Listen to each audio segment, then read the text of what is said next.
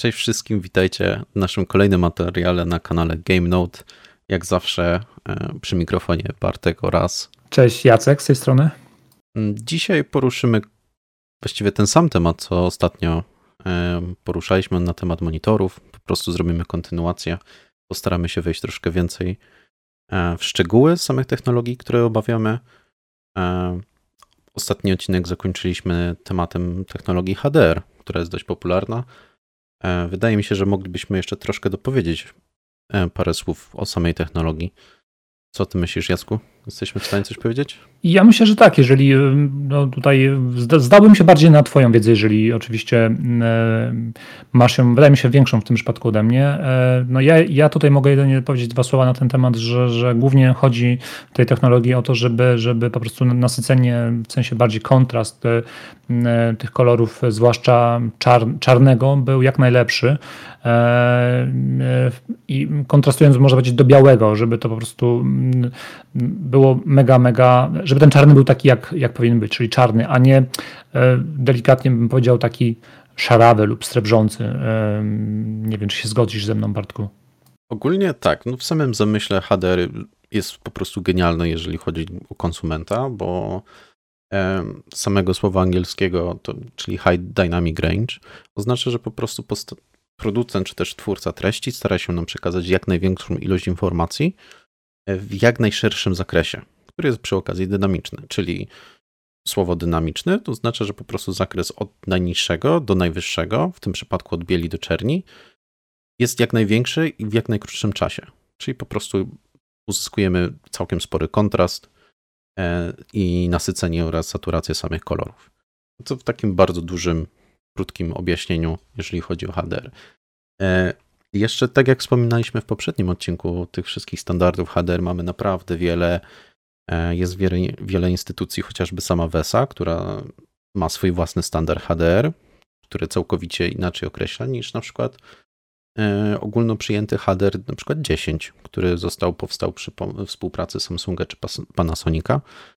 I te wszystkie standardy to nie jest tak, że jeden drugiego wyklucza, często występują jeden koło drugiego, aczkolwiek znaczą całkowicie różne rzeczy. I jeżeli mówimy o monitorach, to najczęściej pojawiającym się standardem HDR to jest y, standard WESY właśnie.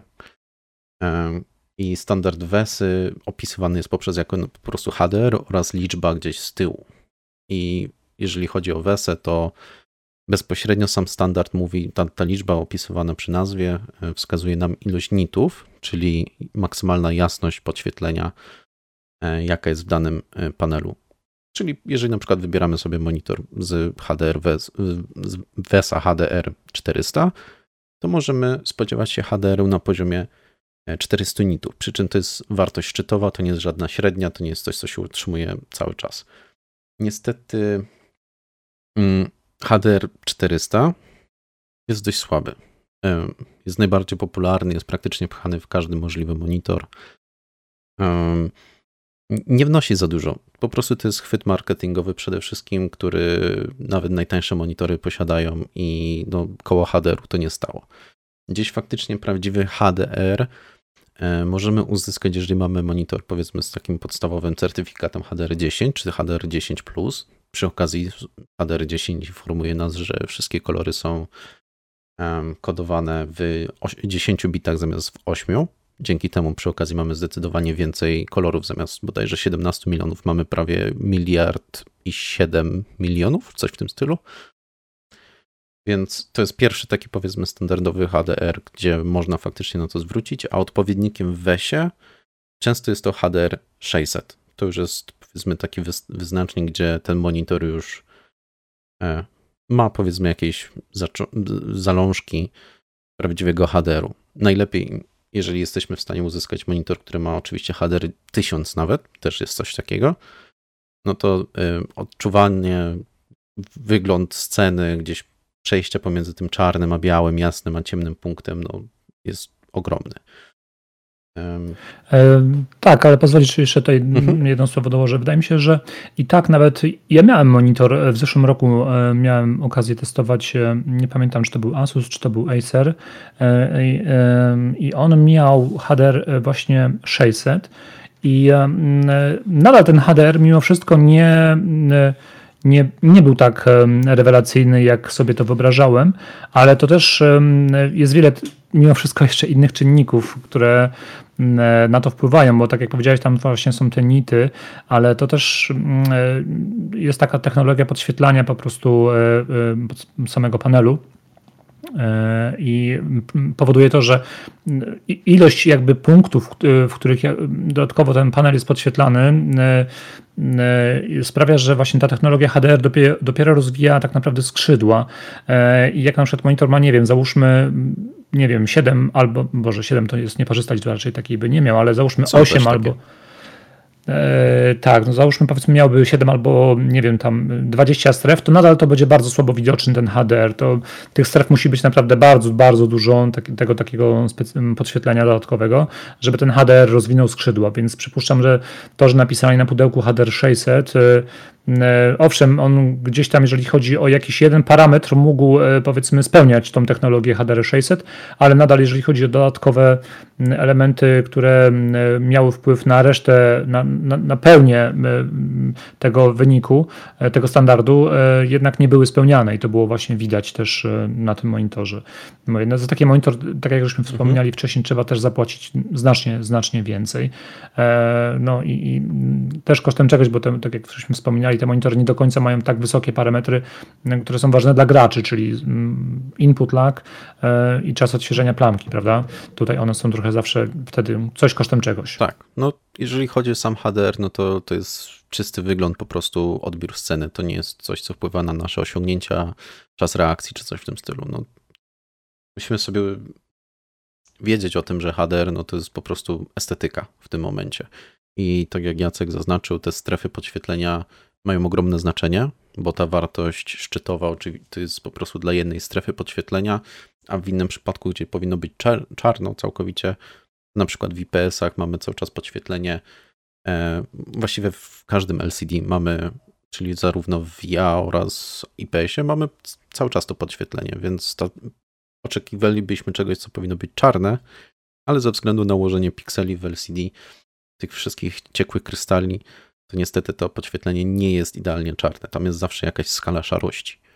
E, jedyną opcją, żeby dostać takie właśnie w pełni czarne podświetlenie, bez żadnego takiego glowa, bez żadnego przebicia światła, no to jest tylko OLED. Tylko i wyłącznie OLED. I chyba wydaje mi się, że to by było wszystko HD, że nie, nie wiem, czy byśmy mogli coś Tak, ja myślę, że tutaj nie powinniśmy się aż tak mocno skupiać na tym, bo tak jak powiedzia, powiedziałeś i ja też wspomniałem, ta technologia to jest na razie tylko i wyłącznie chwyt marketingowy na, na większości po prostu, większości monitorów e, tych gamingowych, e, więc ja bym na razie się na tym po prostu nie skupiał e, i poszedłbym, już sobie proponowałbym, żebyśmy też opisali widzom, słuchaczom kolejne, kolejne parametry. Tak też Jacek wcześniej powiedział, e, kolejną ważną, ważnym parametrem jest sam response time e, matrycy oraz input lag, ale to już jest raczej specjalność Jacka. Powiesz coś nam o tym? A ja bardzo chętnie, bo akurat to są te dwa parametry, mm, e, te, to są dla mnie osobiście jakby dwa parametry najważniejsze którymi, które rządzą tym, jak wybieram monitor, e, oprócz tego, że on musi być na matrycy e, IPS, e, więc to jest taki, taki najważniejszy, bezpodstawny, nie, Boże, chodzi o to, że no, każdy monitor, który kupuję, musi być dla mnie on na matrycy IPS. Nie, nie może być VA, nie może być ten to już w ogóle odpada. Ten to już tak, on po prostu jakość kolorów, kąty widzenia e, są dla mnie e, za mało, za słabe, więc e, tylko i wyłącznie IPS i cały czas tutaj tą technologię właśnie tych matryc bardzo mocno śledzę, dopinguję, no bo jeszcze niedawno monitory na matrycach IPS nie oferowały tak fajnych parametrów właśnie jeżeli chodzi o ten response time oraz input lag. Ale to ok, przejdźmy do konkretów, bo czym jest ten response time? To jest to jest, e, można powiedzieć, czas, w którym plamka w tym monitorze, czyli ten mały piksel, który tam jest, reaguje, przechodzi z jednego stanu w drugi stan. W tym przypadku tutaj dokładnie chodzi, tym parametrem jest tak jakby przejście ze stanu od białego na przykład do czarnego, e, ale to tak w uproszczeniu, bo tak, e, tak naprawdę jest jakaś górna i dolna e, granica tych dwóch stanów, która jest brana pod uwagę i w tym momencie, jeżeli ten, która z tych granic zostanie osiągnięta, to załóż to w tym, załóżmy porównaniu czy benchmarku, ten parametr jest w tym momencie zapisywany. I przejście z tego stanu czarnego do białego i z białego do czarnego właśnie jest takim bardzo ważnym elementem, bo jeżeli to się dzieje bardzo wolno, e, w jakimś monitorze, ta plamka bardzo wolno właśnie przechodzi z jednego do drugiego stanu, to gdy e, gramy w sobie w jakąś grę, zwłaszcza gdzie akcja jest bardzo szybka, czyli na przykład jakieś gry FPS, e, i ten obraz jest bardzo dynamicznie się zmienia, porusza się lewo, prawo, to pojawia się efekt e, takiego jakby rozmazywania, czyli motion blur. Ten, ten, ten obraz, e, prawda, krótko mówiąc, jakby marze się po tym, e, po tym ekranie. I to jest właśnie przyczyną tego słabego parametru, e, jeżeli monitor po prostu posiada tak słaby, załóżmy, ten response time tej plamki. E, I dzisiaj producenci robią praktycznie wszystko e, też. To są bardzo, bardzo, bardzo ważny wyznacznik każdego monitora gamingowego, żeby ten, ten response time plam, plamki, czyli ten czas reakcji był jak najlepszy, żeby, żeby ten obraz widoczny był dla nas maksymalnie wyraźny i nie posiadał żadnego właśnie efektu motion blur, czyli tego takiego właśnie mazania. Tutaj powiem, e, że takim fajnym testem, do, żeby sobie ktoś mógł sprawdzić, e, jak wygląda u niego ten motion blur, jest, e, jest tak zwany test UFO. Wystarczy, że wpiszecie w Google UFO test. Wydaje mi się, że to wystarczy i wyskoczy Wam taka e, strona, e, bodajże Blurbusters się oni nazywają i tam są właśnie różne testy do monitora, między innymi możecie sobie sprawdzić e, tak zwany motion blur, czyli właśnie to rozmy, rozmywanie takie Waszego monitora, jak, w jakim stopniu prawda, ono występuje, bo, bo to jest właśnie coś, co bardzo mocno potrafi gdzieś no, przeszkadzać, zwłaszcza w esportowych tytułach typu powiedzmy powiedzmy Counter-Strike, e, Valorant e, i, i, innych grach FPS, gdzie prawda, ta akcja jest bardzo szybka i ten obraz musi być maksymalnie, e, maksymalnie ostry, wyraźny, bez żadnego efektu mazania.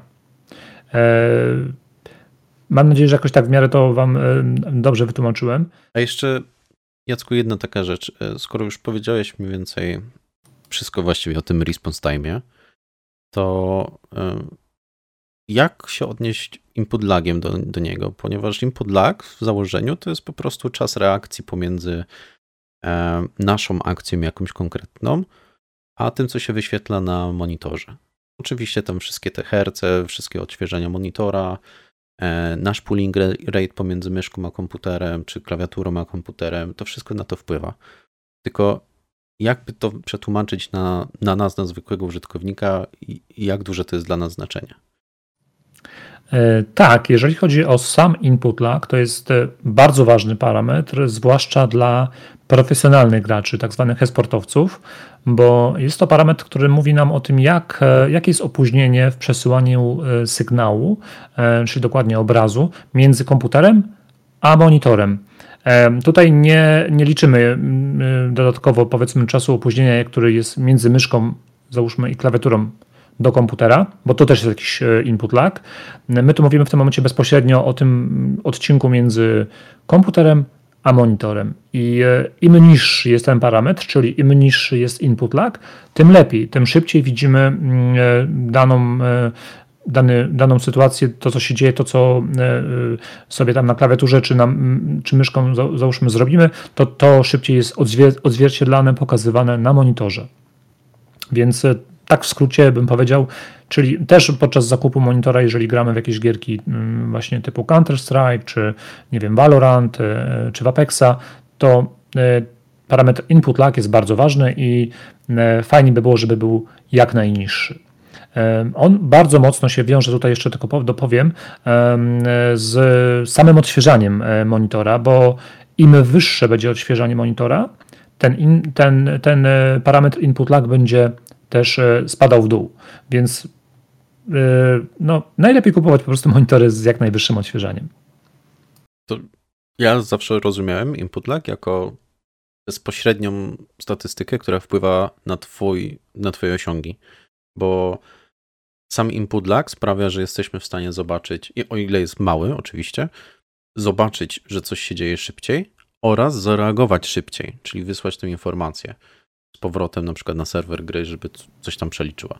To znaczy y, tak, jak najbardziej, bo y, pojęcie samego input lag jest, y, nie jest pojęciem, które stosujemy tylko w monitorze, bo mhm. to jest ogólne pojęcie, które stosujemy tak samo załóżmy w myszce, czy nawet w gamepadzie od konsoli, czy podłączonym do komputera, bo ten input lag też jest i występuje w, w tych, w tych w tym sprzęcie, ponieważ e, naciskając przycisk powodujemy, że coś się dzieje. E, leci sobie prąd, krótko mówiąc, jakiś sygnał do, e, do komputera. Tam procesor to przelicza i wysyła kolejną informację do karty graficznej mhm. sobie i dopiero karta graficzna pokazuje nam na ekranie to, co żeśmy zrobili. Czy, czy załóżmy ruszyliśmy tą myszką, czy nacisnęliśmy przycisk. Więc taki jakby, no ten, ten parametr y, odnosi się do bardzo wielu elementów, które posiadamy w komputerze, zwłaszcza tych peryferiów podłączanych, czyli klawiatura, myszka i tam jakieś inne, załóżmy gamepady. Więc, e, więc tutaj e, Tutaj e, tak jakby byśmy wzięli pod uwagę cał, całościowy input lag, to on zawsze będzie wyższy od tego input laga, który jest tylko i wyłącznie między tym monitorem a monitorem a komputerem. I tutaj producenci też lub testerzy, którzy robią te testy monitorów, e, to najczęściej nie spotkałem się raczej, żeby podawali ogólny input lag, bo to byłoby trochę takie mhm. nie, niemiarodajne. Wiadomo, każdy z nas ma inny komputer i inne podzespoły do niego podłączone, więc zawsze jest podawany ten input lag między samym e, monitorem, e, przepraszam, między komputerem a monitorem, więc mhm. na tym odcinku. Nie? Najczęściej jest to, załóżmy, no, między 7 a 10 milisekund w takich powiedzmy monitorach 144 Hz na matrycy, mm, e, na matrycach, no w sumie większości matryc, prawda? Jest to między 6 do 10 e, milisekund. Wszystko co poniżej 7 ogólnie można powiedzieć to jest bardzo, bardzo fajna już taka profesjonalny już profesjonalny parametr, cyferka już y, cieszy oko, bym powiedział. Nie? Te najlepsze monitory 240 Hz w tym momencie, które można kupić na rynku, e, no to tam potrafi być input lag w granicach 3,5 milisekundy.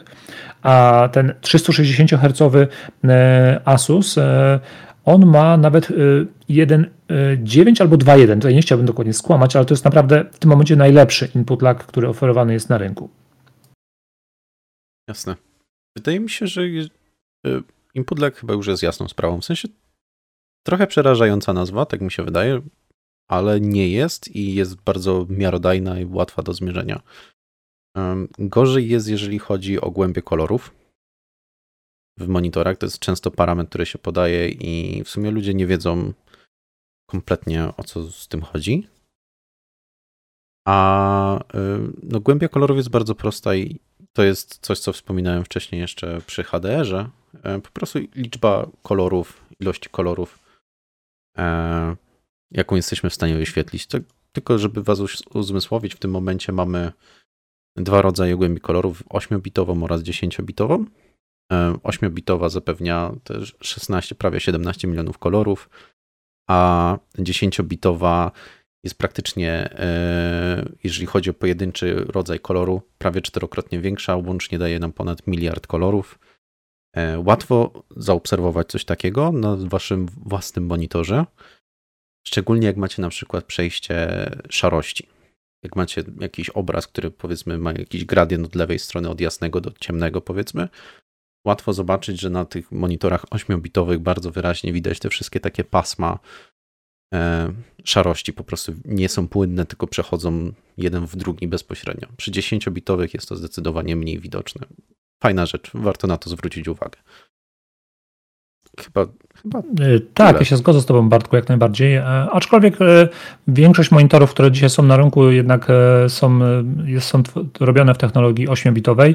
Niektóre mają 10, są w 10 bitach, takim jest to dodatkowa opcja, ale coś kosztem czegoś, ponieważ mhm. ten sygnał, który leci powiedzmy sobie przewodem, ten przewód też ma jakąś ograniczoną pojemność, którą może przesyłać w danym momencie, prawda? Ilość tego sygnału też jest ograniczona i e, e, prawda, im wyższy, im wyższy bitaż, czyli im więcej bitów jest przesyłane tym, tego obrazu, im ten obraz jest lepszy, to też oczywiście zajmuje więcej e, pamięci, czy nie wiem jak to określić, czyli więcej tej przepustowości tego przewodu.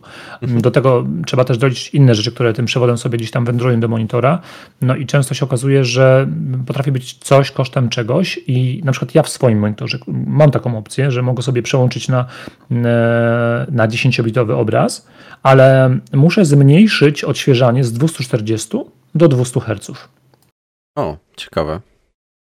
No ale e, ma to podłoże logiczne, tak? Jeżeli powiedzmy w jednej, w jednej paczce informacji, w jednej klatce informacji e, przesyłamy 16 milionów kolorów, a w drugiej paczce byśmy musieli przesłać 1 miliard, tak? No to to jest to ogromna różnica. Więc e, te informacje gdzieś muszą faktycznie być przechowywane i wyświetlane i później jeszcze obrabiane. Więc taka prosta rzecz, ale faktycznie ma podłoże typowo informatyczne, gdzie po prostu wymagana jest ta przepustowość.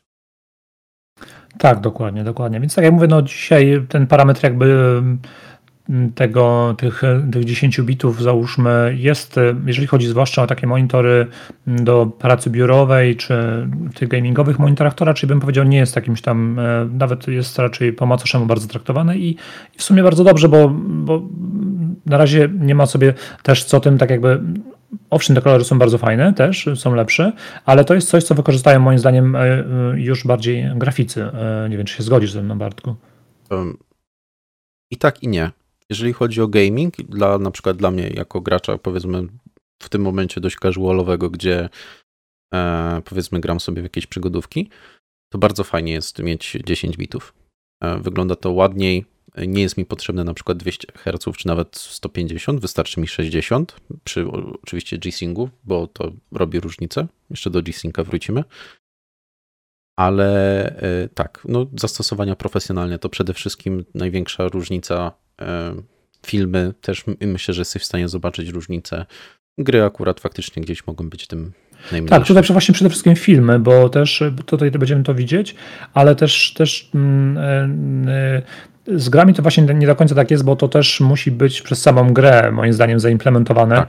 żeby gra też po prostu potrafiła taki obraz wyświetlić, bo możemy sobie przełączyć w ustawieniach monitora na, już w samym komputerze na 10 bitów, ale gra na pulpicie będziemy mieli, owszem, ale gra na przykład już nie będzie e, wyświetlana w tych 10 bitach. Tak, to akurat to nie jest duża strata, no bo po prostu będzie mniej danych, nie? Będzie po prostu nasz 10-bitowy monitor będzie wyświetlał kolory z 8-bitowego zakresu, pamiętaj też, że e, ogólnie pamiętajcie, że standard HDR, szczególnie te wyższe, takie faktyczne standardy przez Sony Panasonica, czyli HDR 10, e, wymagają matrycy 10-bitowej.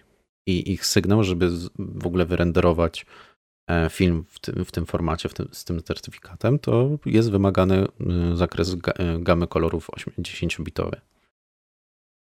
Więc wydaje mi się, że to jest kwestia czasu, kiedy po prostu wszystko będziemy przechodzić powoli z 8 bitów na 10 bitów, ale no to jeszcze kawałek drogi, szczególnie jeżeli chodzi o optymalizację kosztów i inne takie z tym związane czynności.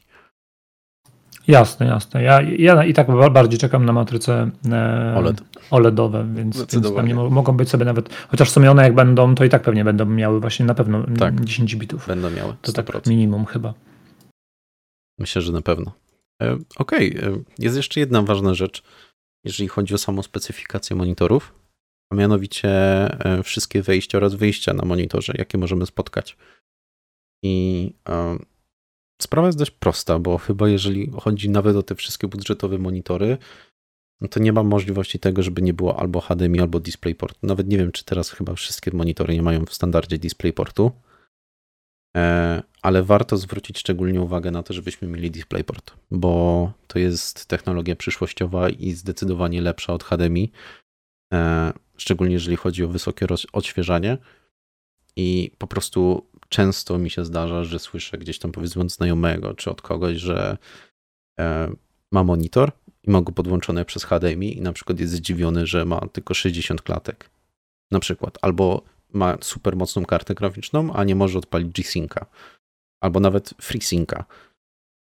I jest wielce zdziwiony dlaczego, a tu się po prostu okazuje, że używa złego interfejsu. Po prostu zostaliśmy przyzwyczajeni, że HDMI jest wszędzie, a HDMI jest po prostu dużo wolniejsze, dużo mniej danych może przesłać niż DisplayPort, który został specjalnie stworzony jako e, kontroferta do HDMI, które jest przede wszystkim drogie. Więc... To znaczy jakby kolejny standard, nie? Bo, bo tak. pomimo tego, że HDMI gdzieś tam się nadal rozwijało, e, no chyba na, na, najwyższym obecnie standardem jest 2.1 mhm. E, HDMI, to i tak nadal ten najwyższy standard HDMI nie jest, e, nie dorównuje standardowi, który oferuje DisplayPort. Dokładnie. Bo, bo, bo no, to jest no, nieporównywalne, bym powiedział na razie.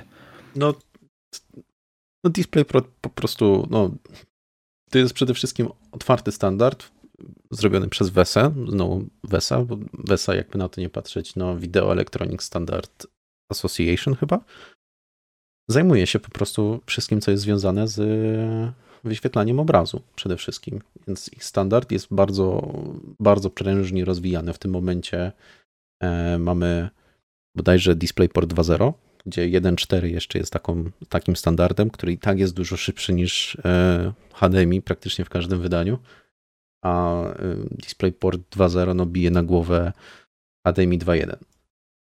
I no, nie mam chyba nic więcej do dodania w tym temacie.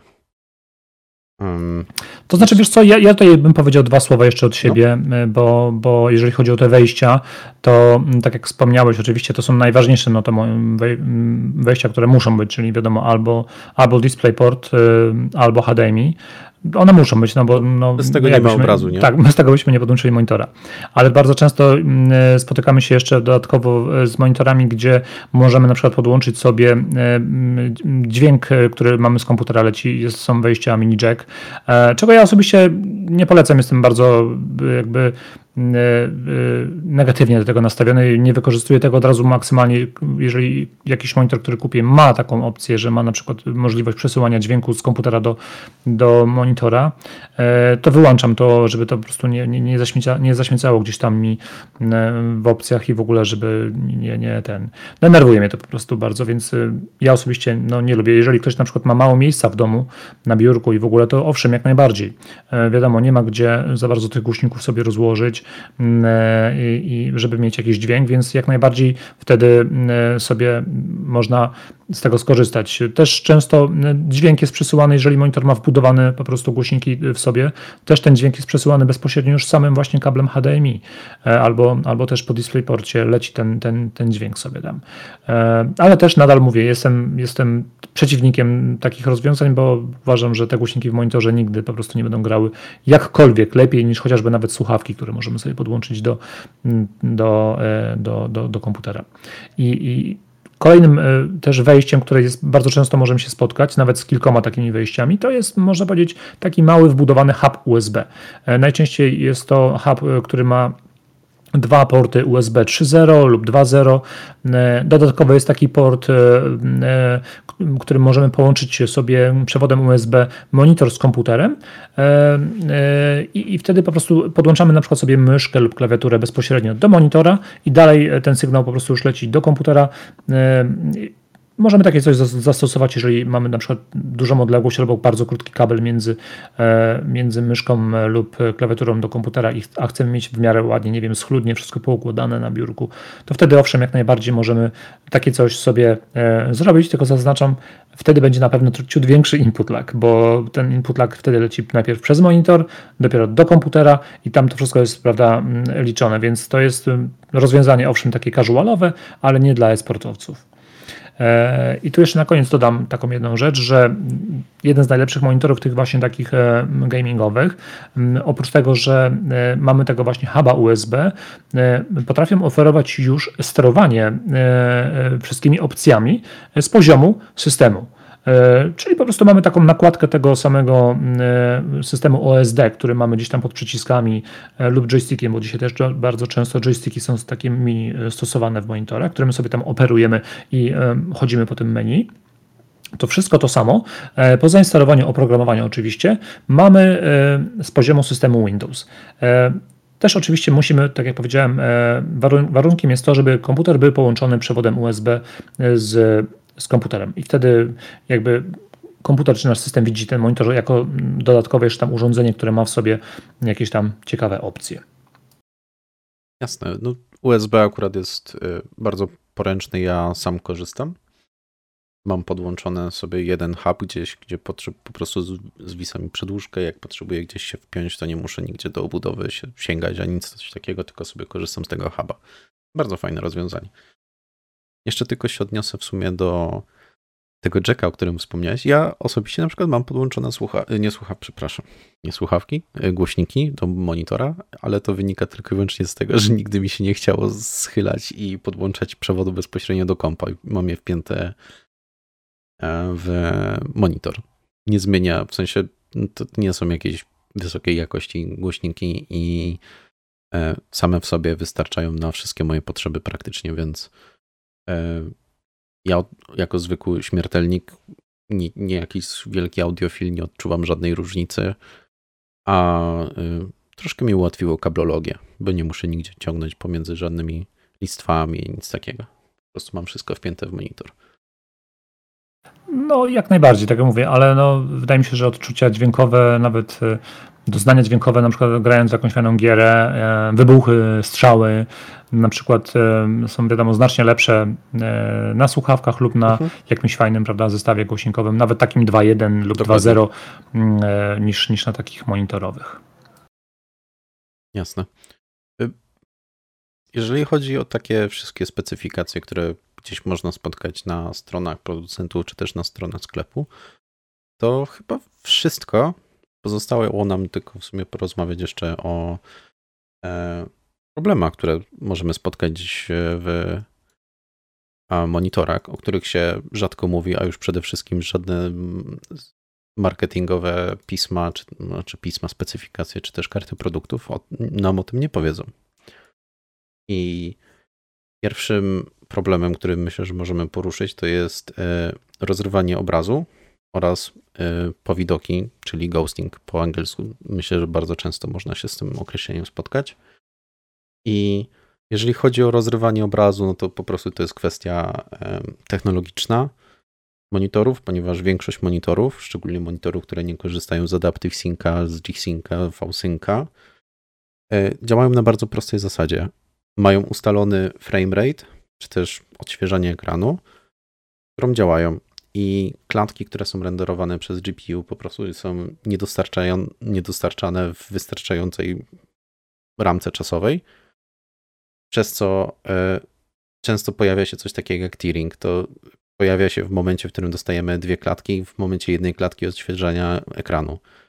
I możemy to zaobserwować. Oczywiście to jest ułamek sekundy, to są dosłownie milisekundy, 5 czy 6 milisekund wyświetlania, ale znacząco wpływają na nasz komfort rozrywki. Po prostu objawia się to tym, że część ekranu, powiedzmy na przykład 20% dolnego ekranu i 80% górnego ekranu są względem siebie rozjechane.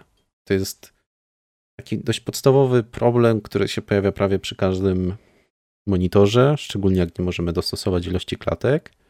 Nie korzystamy z żadnej funkcji, na przykład V-Synca, czy G-Synca, czy FreeSynca, o których w sumie zaraz powiemy. A y, w sumie nikt o tym nie mówi, w sensie żaden z producentów właściwie. Jest bardzo łatwe do eliminacji, przynajmniej w dzisiejszym e, czasie, a e, znacząco wpływa na nasz komfort rozrywki. Spotkałeś się z tym, Jacku? To znaczy tak, jak najbardziej. Znaczy tutaj też powiem, że jednak e, e, Bartku, być może gdzieś tam nie masz takiej, wiadomo, dużej styczności z monitorami i nie zmieniasz ich tak często jak ja, e, ale jednak w dziś, dzisiejszych czasach, tak no bym powiedział, że od dobrych dwóch lat jednak, jak nie dłużej, jest jednak, producenci bardzo podkreślają to, ten fakt gdzieś na pudełkach, czy nawet jak wejdziemy sobie na stronę producenta, jak, jak jakiś model monitora taki lepszy, no to tam bardzo często jest podkreślane, że e, jeżeli oczywiście dany monitor ma technologię G-Sync lub FreeSync, a dzisiaj raczej w większości wszystkie już mają przynajmniej FreeSync albo G-Sync e, compatible, e, to jest to podkreślane i pokazywane są zdjęcia właśnie, że no na tym monitorze nie doświadczymy takiego mhm. jakby tych ujemnych efektów graficznych, krótko mówiąc. Też, też możemy y, samemu bardzo często y, te, y, ten parametr ustawić sobie, nawet nie posiadając takich, takich dobrodziejstw jak G-Sync czy FreeSync. To jest trochę już wyższa szkoła jazdy, bo tutaj trzeba tak naprawdę dobrze sobie spasować po prostu ilość klatek albo ją zablokować bezpośrednio w samej grze, którą mamy uruchomioną w danym, momencie i po prostu zablokować sobie ilość klatek na w takim miejscu, żeby, żeby ona najlepiej nie spadała i żeby y, nie szła w górę. Znaczy, jak ją zablokujemy, wiadomo, że ona nie będzie szła w górę, ale żeby też nie spadała, bo e, jeżeli będą pojawiały się różnice między mm, ilością wyświetlanych klatek, e, przesyłanych klatek z komputera, a odświeżaniem monitora, czyli załóżmy, blokujemy sobie ilość klatek na 144, czyli powiedzmy tyle, ile ma monitor, no, powinno się, powiedzmy, załóżmy, y, zrobić to na poziomie 140, powiedzmy 5, nie? żeby tam były te trzy, trzy klatki różnicy. Jeżeli nasza gra, oczywiście komputer potrafi wyświetlić, e, nasz komputer potrafi wyświetlić tą grę, załóżmy, z tak dużą ilością klatek, to blokujemy sobie, załóżmy, na powiedzmy 145, 142, 3 klatkach. E, jeżeli na przykład monitor mamy ustawiony na 144 Hz, I wtedy ten obraz y, będzie, y, jeżeli oczywiście zakładamy, nie będzie nam spadać poniżej tych 140 tam, prawda, e, paru klatek y, na sekundę wydajność, no ten obraz będzie wtedy też wtedy maksymalnie płynny, ten efekt tego rozrywania nie będzie aż tak, no, raczej się z nim nie spotkamy, o tak powiem. Jasne. A jest jeszcze kwestia taka jak e, powidoki, czyli ghosting tak zwane. To jest po prostu e, coś takiego, co występuje w, przede wszystkim na matrycach e, VA. To objawia się tym po prostu, że nawet jak weźmiemy sobie zwykłą myszkę, to pozostawia się tak jakby ślad, taki jakby cień za, za tym. To jest po prostu wada technologiczna samej matrycy, e, gdzie po prostu przejście pomiędzy zmianą koloru piksela, tak żeby był idealny, jest po prostu opóźniona. E, piksel do piksela nie wyrabia, ten pierwszy piksel z przodu jest spoko, zaś ten piksel przeważnie z tyłu, e, no jednak zajmuje mu trochę czasu, zrobi się taki delikatny powidok. Oczywiście e, no, producenci starają się z tym walczyć, aczkolwiek no, o ile to bardzo rzadko występuje na matrycach IPS, tak na matrycach VA, no niestety ten ghosting jest dość znaczący. Jasne, ja myślę, że Bartku powinniśmy jeszcze i tak zrobić taki dodatkowy materiał e, tutaj dla naszych słuchaczy. E, materiał już taki wideo, żeby można było sobie po prostu te, te najważniejsze parametry, e, to, to, nie będzie jakiś tam super długi materiał, po prostu gdzie pokażemy na czym polegają właśnie takie, takie efekty właśnie jak tearing, ghosting, co się dzieje na przykład, gdy mamy zbyt mocno podkręcony monitor, czyli odświeżanie, bo mm, e, może, może nie samo odświeżanie, ale właśnie ten czas response time plam, plamki, e, czas odświeżania, ponieważ producenci bardzo często dzisiaj pozwalają nam e, w ustawieniach samego monitora zwiększać, polepszać te parametry, ale coś kosztem czegoś, bo jeżeli podwyższamy ten response time plamki, to mm, bardzo często ta plamka już mm, no, no nie jest, krótko mówiąc, nie wyrabia i też potrafią się pojawiać właśnie dodatkowe, ciekawe e, efekty na, na ekranie, e, gdy podkręcimy sobie e, no, ten parametr właśnie response time. Jasne. No, chyba do ghostingu to tyle. No, na, faktycznie chyba najlepszym sposobem, żeby zobaczyć, jak to wygląda, to porównanie po prostu dwóch matryc. E, najlepiej VA oraz IPS-a i zobaczenia, bo to uzmysł, uzmysławia. Ja na przykład wcześniej nie miałem styczności z matrycami VA. Aktualnie sam posiadam jest to zauważalne, aczkolwiek mi osobiście nie przeszkadza, no ale to też wynika z tego, że po prostu nie gram w tak dynamiczne tytuły jak jakieś FPS-y, Apexy itp. Po prostu. Okej, okay, a jeszcze z innych takich problemów, które dotykają matrycę, e, o ile na przykład matrycy IPS udało się uniknąć ghostingu, tak e, ma troszkę inną wadę, a mianowicie coś takiego jak IPS Glow. I e, oczywiście te nowe matryce już sobie całkiem nieźle z nim radzą. Tak, e, te gorsze matryce, tańsze matryce E, nadal go posiadają. Objawia się po prostu tym, że są przebarwienia. E, widać, że to podświetlenie jest nierównomierne i jest przebijające się przez e, inne linie czy też kolory wyświetlane na ekranie. Jako fan IP, IPS-ów, Jacku, myślę, że chyba miałeś możliwość zobaczenia tego kiedyś. To znaczy tak jak najbardziej. Ten efekt razem z tym, z drugim efektem, który tutaj moglibyśmy właśnie poruszyć, czyli tak zwany bleeding. Hmm. No to właśnie są takie jakby dwie, czyli IPS, IPS Glow i Bleeding to są dwie przypadłości, mm, na które cierpią, e, cierpią nadal powiem w sumie jeszcze, ale już w bardzo małym stopniu monitory na matrycach IPS, bo, no bo ta technologia jest w ten sposób właśnie robiona, że gdzieś tam pod spodem z tyłu e, matrycy jest jakiś element czy podświetlający to wszystko, żeby, żeby uzyskać jakieś konkretne właśnie kolory, czerń, biel i e, on nie wiem, czy to na przykład podczas podróży, podczas transportu monitoru, monitora, e, gdzieś tam może delikatnie coś się e, poruszyć i spotykamy się z tym, że na przykład, że monitor monitorowi jest nierówny i ten efekt właśnie tego bleedingu lub właśnie też ten drugi, czyli IPS Glow potrafi być na, na, na tym samym monitorze tego samego producenta większy na przykład y, u mnie, a u kogoś, kto ma taki sam monitor może być mniejszy, bo no po prostu miał szczęście i gdzieś tam powiedzmy, nie wiem, y, zostało wszystko fajnie y, zrobione, spakowane i bez żadnych problemów dostarczone do klienta mm, i, i, i, i tak to wygląda, więc w sumie ja osobiście powiem tak, no w tych monitorach, zwłaszcza gamingowych, ten efekt glow to już tak bym powiedział, raczej to jest no mało, mało bym powiedział widoczny. Czasami, czasami spotkałem się jeszcze do niedawna jeszcze z monitorami, które sam miałem, e, z efektem e, tego bleedingu, czyli mhm. właśnie te mm, krwawienia, nie wiem. Prześwitów. Tak, takich prześwitów, te właśnie takie plamy po prostu są białe e, na, krótko mówiąc, na, na, na monitorze i to jest najbardziej widoczne na przykład jak mamy wyłączone światło w pokoju e, i mamy ciemny, czarny, e, czarny obraz, prawda? Wtedy często to wychodzi.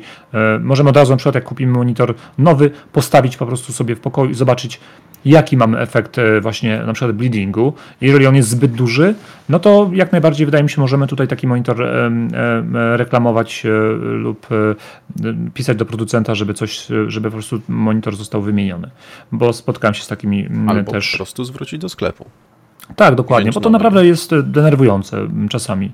Ale, ale naprawdę y, przynajmniej w tych monitorach, które ja kupowałem niedawno, w ostatnim pół roku, to już Obydwa te efekty, no, monitor, który obecnie mam, bym powiedział, że nie ma, że nie widzę praktycznie żadnego z tych efektów. No gdzieś tam, jak wyłączę, przyjrzę się naprawdę tak e, dobrze, e, to są tam może z 2 czy 3 miejsca, ale to nie są jakieś wielkie plamy, tylko to jest gdzieś tam dosłownie 2-3 mm e, gdzieś u, przy samych ramkach, prawda? I, to, i tyle, ale tak, no zauważyłem, że bardzo, bardzo mocno tutaj ta technologia się poprawiła i metryce IPS też już są e, pod tym kątem e, coraz bardziej wyleczone z tych, e, z tych objawów.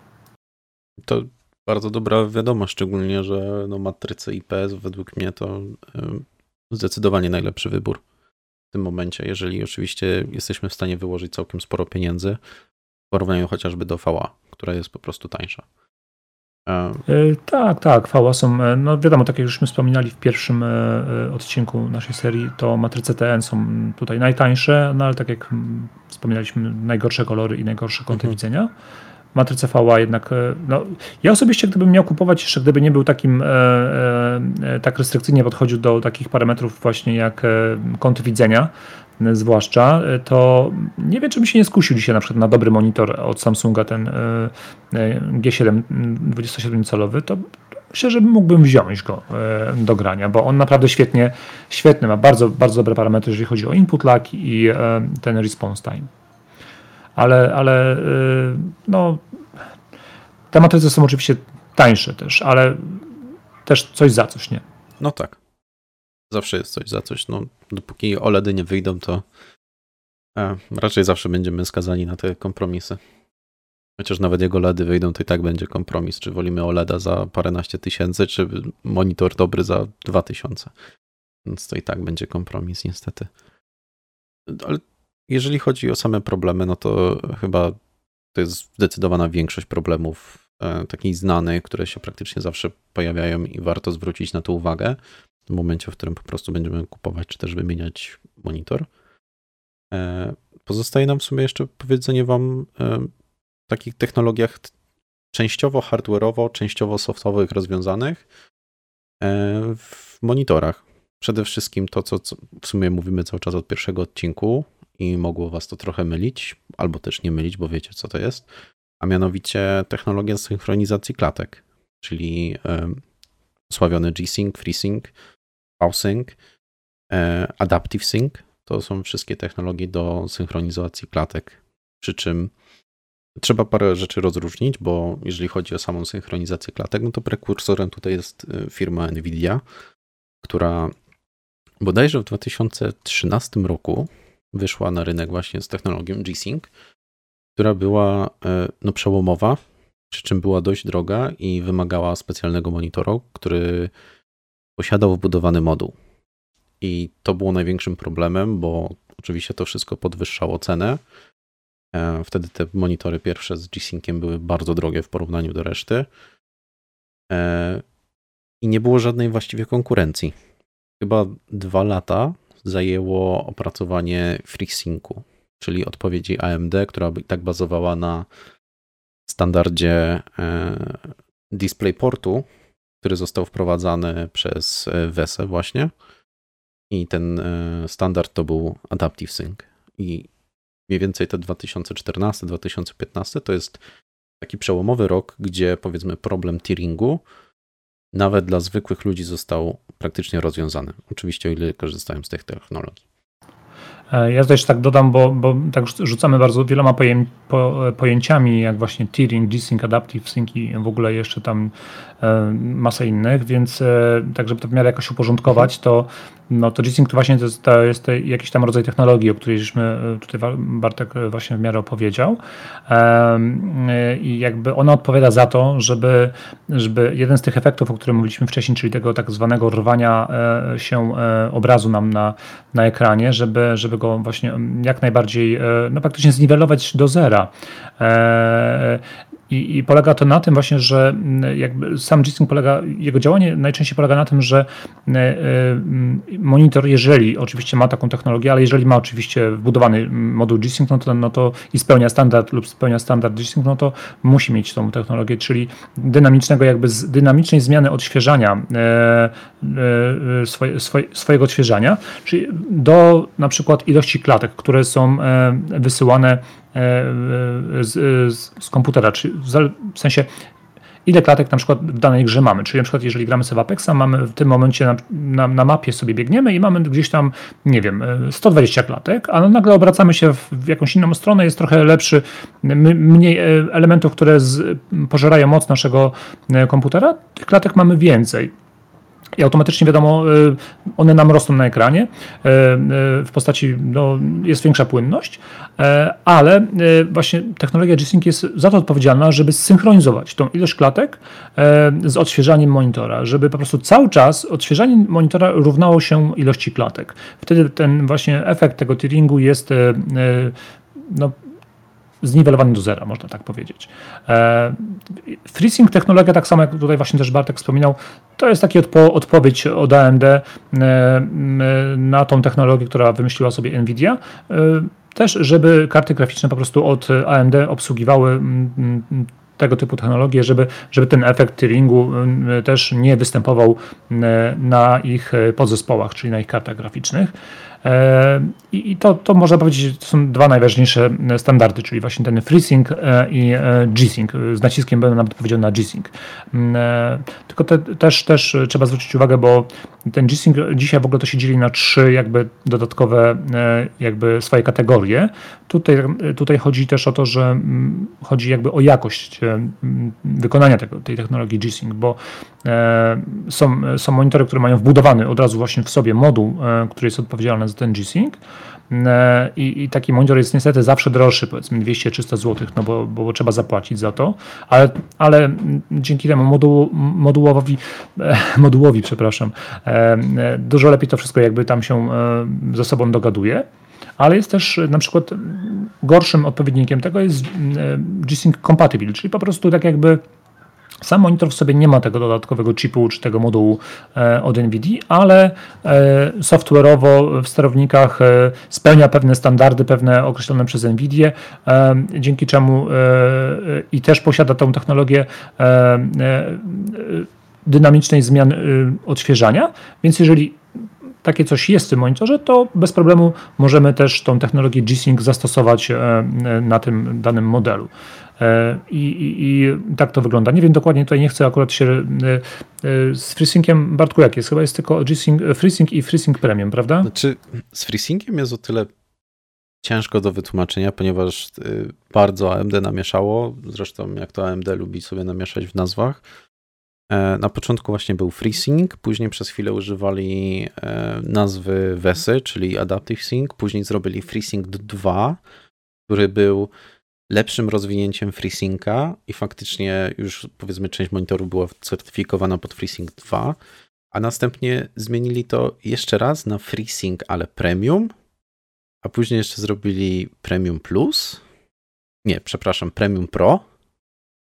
I jest bardzo, w sensie jest to troszkę nielogiczne to, co oni zrobili, ale e, w tym momencie e, jeżeli chodzi o FreeSynca, to występują tylko dwa rodzaje, właśnie ten FreeSync Premium oraz FreeSync Premium Pro, no i oczywiście zwykły FreeSync. Ale A, to, to, to jest, takie niedobre było i namieszało. Jest, jest bardzo namieszane z tym wszystkim i bardzo ciężko się z tym odnaleźć. Przy czym mm, FreeSync jest bezpośrednio, tak jak już wspominałem, jest rozwinięciem technologii właściwie e, opracowanej przez WESE. To nie jest coś nie wiadomo skąd się wzięło. Oczywiście AMD miało swój udział w tym, ale sam pomysł tego to był opracowany właśnie przez y, WESE. E, Czyli można powiedzieć, że taki ogólny standard nie? Tak. E, jest. Tak. I tutaj jeszcze do, dołożę też, że Nvidia jakby e, też do pewnego momentu jakby nie akceptowała, traktowała to jako jakąś konkurencję stworzoną przez AMD, pomimo tego, że to był standard tak naprawdę właśnie tak jak powiedziałeś stworzony wcześniej przez, przez WESE, ale AMD sobie gdzieś tam to zaadaptowało i stworzyło na bazie tego ten swój FreeSync, prawda? To, to to Nvidia jakby w swoich kartach graficznych e, e, nie, nie, można, było, nie można było, krótko mówiąc, e, włączyć, uruchomić takiej technologii właśnie FreeSync, pomimo tego, że to był standard ogólny. Załóżmy, tak jak ISO jest standardem, to tutaj był jakiś tam standard właśnie przez WESy. No to nie można było do, przez dłuższy czas sobie takiego FreeSynca używać, ale od niedawna ten FreeSync praktycznie to już jest, kupując jakąś kartę od NVIDII, mamy, mamy i G-Sync i FreeSync. Jak dla mnie to bardzo dobrze, że Nvidia się opamiętała, bo stosowanie samego G-Synca poprzez ten moduł y, był fajny w momencie, w którym nie było konkurencji. W momencie, w którym się pojawiła konkurencja, która miała otwarty e, certyfikat, nie wymagał żadnych dodatkowych kosztów, e, był całkiem sprawny. Oczywiście no, G-Sync nadal jest lepszy, tak? szczególnie jeżeli mamy ten moduł.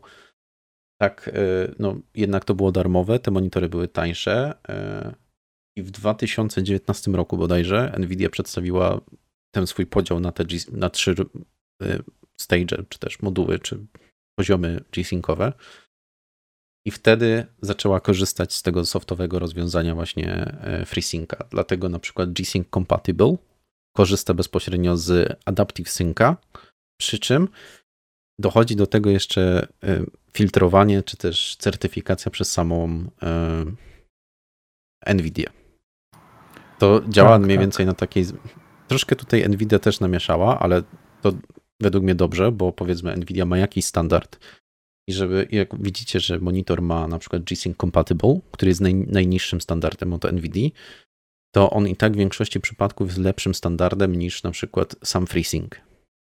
Ale posiadając samego FreeSynca, to nie znaczy, że nie możecie korzystać z dobrodziejstw tego, czyli na przykład z tego Adaptive Synca, czy też synchronizacji klatek.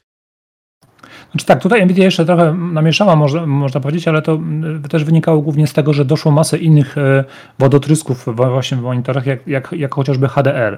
E, I, I, na przykład posiadając G-Sync e, Compatible, to też jesteśmy w jakiś sposób ograniczeni z tymi takimi właśnie barierami jak HDR, czy nie wiem, co tam jeszcze można dodać. W każdym razie E, dopiero te wyższe, już budowane moduły, które mamy w monitorach, e, pozwalają nam na przykład wyciągnąć e, wszystkie te dobrodziejstwa, które oferuje G-Sync związane z tym właśnie, z tym rozrywaniem ekranu i ogólnie z input lagiem, plus dodatkowo jeszcze on obsługuje wyższe standardy HDR sobie bez problemu. Dokładnie. No G-Sync Ultimate, czyli najwyższy, bo jest G-Sync Compatible, najniższy, średni jako zwykły G-Sync oraz G-Sync Ultimate taka bardzo gamingowa w sumie nazwa z tym Ultimate'em, to e, faktycznie no, restrykcje od e, NVIDIA są na tyle dużo, że tych monitorów z G-Sync Ultimate nie jest za wiele. A jak już się pojawia jakiś, to jest naprawdę na wysokim poziomie i zapewnia bardzo wysoką jakość obrazu, zarówno jeżeli chodzi o sam ghosting, inne te parametry, które wspominaliśmy, input lagi, tak HDR też jest bardzo duży, no wysoka częstotliwość odświeżania, no to już są naprawdę topowe monitory, matryce. No tak, jasne, jasne. E, tego pytanie właśnie często jest, czy, czy wykorzystujemy te rzeczy, bo na przykład ja miałem ostatnio, e, w sumie jeszcze stoi u mnie monitor Alienware, e, też ten 27-calowy na 240 Hz i on posiada w sobie ten moduł G-Sync Ultimate i szczerze powiedziawszy to ja zdawałem sobie z tego sprawę, że on, on ma ten moduł, ale na przykład ja nie wykorzystywałem w ogóle technologii HDR, który, którą ten monitor oferuje, a oferował akurat jedną z lepszych, e, jeden z lepszych HDR-ów, jakie były, jakie są obecnie na rynku. Nie wiem, czy chyba nie najlepszy, jeżeli można powiedzieć tak, te, te, takie, bym to nazwał zabawkowe HDR-y, mhm. czyli takie no, marketingowe. E, ja tego de facto nie, wykorzysta, nie wykorzystywałem. Teraz mam monitor, który nie ma e, e, wbudowanego modułu, ma, spełnia standard G-Sync Ultimate, ale ma też jakby nadrzędny, wydaje mi się w tym momencie jest FreeSync Premium. Jest w nim też od razu. A to jest ciekawe, bo większość trafiłem na taki materiał, przygotowując się do naszego materiału, gdzie w momencie, w którym G-Sync przeszedł właśnie na to korzystanie z FreeSynca, czy też Adaptive Synca, to większość producentów zaczęła reklamować swoje produkty jako G-Sync Compatible zamiast FreeSync Compatible. W sensie, tak jakby prestiż NVIDIA był zdecydowanie większy niż technologia. E, Nie, no jasne, zdecydowanie, e, ale wiesz, jeżeli mamy na przykład FreeSync Premium albo ultimate, to, to to słowo bym powiedział tutaj bardzo ważne, e, ten wyraz na samym końcu, czyli no tak, ultimate tak, albo tak. premium. I warto sobie to napisać na pudełku. A nie, no to się zgadza. Przy czym e, z tego co widziałem na liście, to zdecydowanie mniej monitorów jest na G-Sync Ultimate niż na e, FreeSync Premium Pro. Premium Pro. Tak, bo tutaj kwestia jest kosztów, prawda? Więc, więc tutaj nie musimy płacić za ten standard e, zbyt dużo, e, o ile w ogóle musimy jakiś tam, prawda, być może za sam, za sam standard musimy może zapłacić, nie wiem, wesie mhm. jakieś tam, prawda, pieniądze za to, że, że, że po prostu używamy ich, ich standardu i jesteśmy przez nich certyfikowani. Ale przepraszam, że to nie są tak duże pieniądze w porównaniu na przykład do samego, do G-Synca modułu, który jest montowany bezpośrednio w tym to monitorze. Są, to są bardzo małe. Jeżeli, jeżeli, chodzi o FreeSync, to jest kwestia AMD bardziej, bo jeżeli chodzi o sam Adaptive Sync, to jest y, VESA i to jest otwarty standard. To jest po prostu jak, masz, jak monitor ma DisplayPort, to od razu ma też ten e, standard. To jest po prostu jeden do jednego. To jest e, technologia z DisplayPortu generalnie. To nic tutaj magii nie ma odkrywczej. Jeżeli masz DisplayPort i monitor z DisplayPortem i kartę graficzną z DisplayPortem, to jesteś w stanie skorzystać z tego Adaptive Synca. Teraz kwestia, jak twój sterownik od karty graficznej będzie to rozpoznawał, jak sobie będzie z tym radził, bo to już jest inna kwestia. bo na przykład Nvidia swoja, ma swoją listę monitorów, które wspiera i na przykład zdecydowanie lepiej sobie, w sensie ma już stworzone konfigi pod te dane monitory i po prostu z nich korzysta. Dobra, ale to chyba wszystko, jeżeli chodzi o synchronizację klatek, co uważam, że jest jedną z mhm. najważniejszych technologii. Tak, wiesz co, wydaje mi się, że już kończąc, bo tak naprawdę chyba większość tych najważniejszych rzeczy żeśmy omówili. E, mimo wszystko na koniec wydaje mi się, że warto byłoby tak naprawdę tylko wspomnieć na temat takich e, jeszcze elementów, dodatków do monitorów, które mogą być na przykład ważne, ale nie są, że powiem, tak, tak ważne i na które musimy zwracać uwagę, więc, więc chociaż jest jedna taka, na którą ja bym zwracał uwagę, jest to filtr niebieskiego światła, w sensie ograniczenie tego emitowania niebieskiego światła. I e, też, jeżeli monitor ma takie coś, to bardzo fajnie, bo jednak e, oczy się, zwłaszcza wieczorem, e, będą trochę mniej, mniej męczyły. Tam też są monitory, które mają różnego, różne poziomy, prawda? Emisji tego niebieskiego światła i możemy sobie to regulować bezpośrednio w, w ustawieniach monitora. Ten, prawda, im, im wyższy ten, ten filtr sobie włączymy, ten, ten, wtedy ten obraz staje się, na przykład nie razi tak mocno tym białym kolorem, delikatnie Bo się... Żółty się robi, nie? Żółty się robi, tak, dokładnie. Mm, aczkolwiek tutaj podpowiem, że jeżeli nie mamy takiego czegoś e, w, monitorze, to można to na przykład bardzo fajnie software'owo sobie rozwiązać. Taki programik się nazywa F.lux, e, bodajże czy Flux. E, on dosłownie nic nie zabiera z zasobów systemowych, po prostu reguluje nam E, reguluje nam ten filtr e, w zależności od pory dnia, więc jeżeli na przykład jest dzień, to, ten filtr praktycznie jest wyłączony, a jak nadchodzi e, wieczór i pracujemy przy komputerze, to on automatycznie, w zależności jak tam sobie go skonfigurujemy, to nam włącza taki filtr, żebyśmy mogli sobie bardziej komfortowo pracować z komputerem. Nie wiem, czy Windows nawet nie miał czegoś takiego, że można było mu tak, harmonogram tak, posiada. ustawić. No więc jak ktoś chce, to może też z tego korzystać. Tylko tutaj oczywiście we Fluxie mamy dodatkowo jeszcze, możemy sobie fajnie też sterować, jeżeli chodzi, prawda, już bez, dokładnie na przykład na, na, na, daną godzinę nastawić, że o tej godzinie będzie e, e, tak świecił monitor, o tej godzinie załóżmy schodzi nam jeszcze poziom niżej. Nawet okay. co, do, co, co, do, co do Kelvina możemy sobie ustawić tam e, to, to, to natężenie tego światła tam. Okej. Okay. To chyba wszystko, jeżeli chodzi o te takie podstawowe parametry. Właściwie nawet chyba wszystkie parametry, jakie możemy znaleźć e, w monitorach. Wiesz co, tych parametrów jeszcze można byłoby znaleźć na pewno trochę, tylko to są już naprawdę, bym powiedział, takie, co, co producent, to parametr e, taki dodatkowy, marketingowy, tak, tak. Okay. Najczęściej jest to marketingowy po prostu buyer, bo często, tak jak w przypadku tych HDR-ów e, nieszczęsnych, no po włączeniu tego okazuje się, że Aha, no Matko Boska, przecież to nie wygląda nawet, więc, więc y, od razu wyłączamy taki, taki bajer, bo, no bo y, tylko psuje nam po prostu jakość obrazu, a nie poprawia. Albo nie wiem, y, no coś, co ma po prostu nam pomóc, nie, nie, to pogarsza, bym powiedział. Tak to często się odbywa. Okej. Okay. Nie wiem, no je, jeżeli uważacie, że chcielibyście jeszcze jakieś tam właśnie takie typowo dla danych producentów technologii omówić, albo chcielibyście usłyszeć o nich, to dajcie nam znać w komentarzu. Masz jakieś pytania do, dla naszych widzów? Jacku? Ja jestem przykład bardzo ciekaw, jaki wy monitor posiadacie, ilu calowy i ilu hercowy. Jeżeli możecie nam napisać to e, w komentarzu też pod materiałem. Okej. Okay. Z naszej strony to wszystko. Jakbyście mieli jeszcze jakieś pytania, czy cokolwiek, jakieś niepewności albo coś jeszcze bardziej wyjaśnić, dajcie nam znać. E, dzięki, że z nami dzisiaj byliście. Dzięki, dziękuję. Do słyszenia niedługo. Hej. Cześć.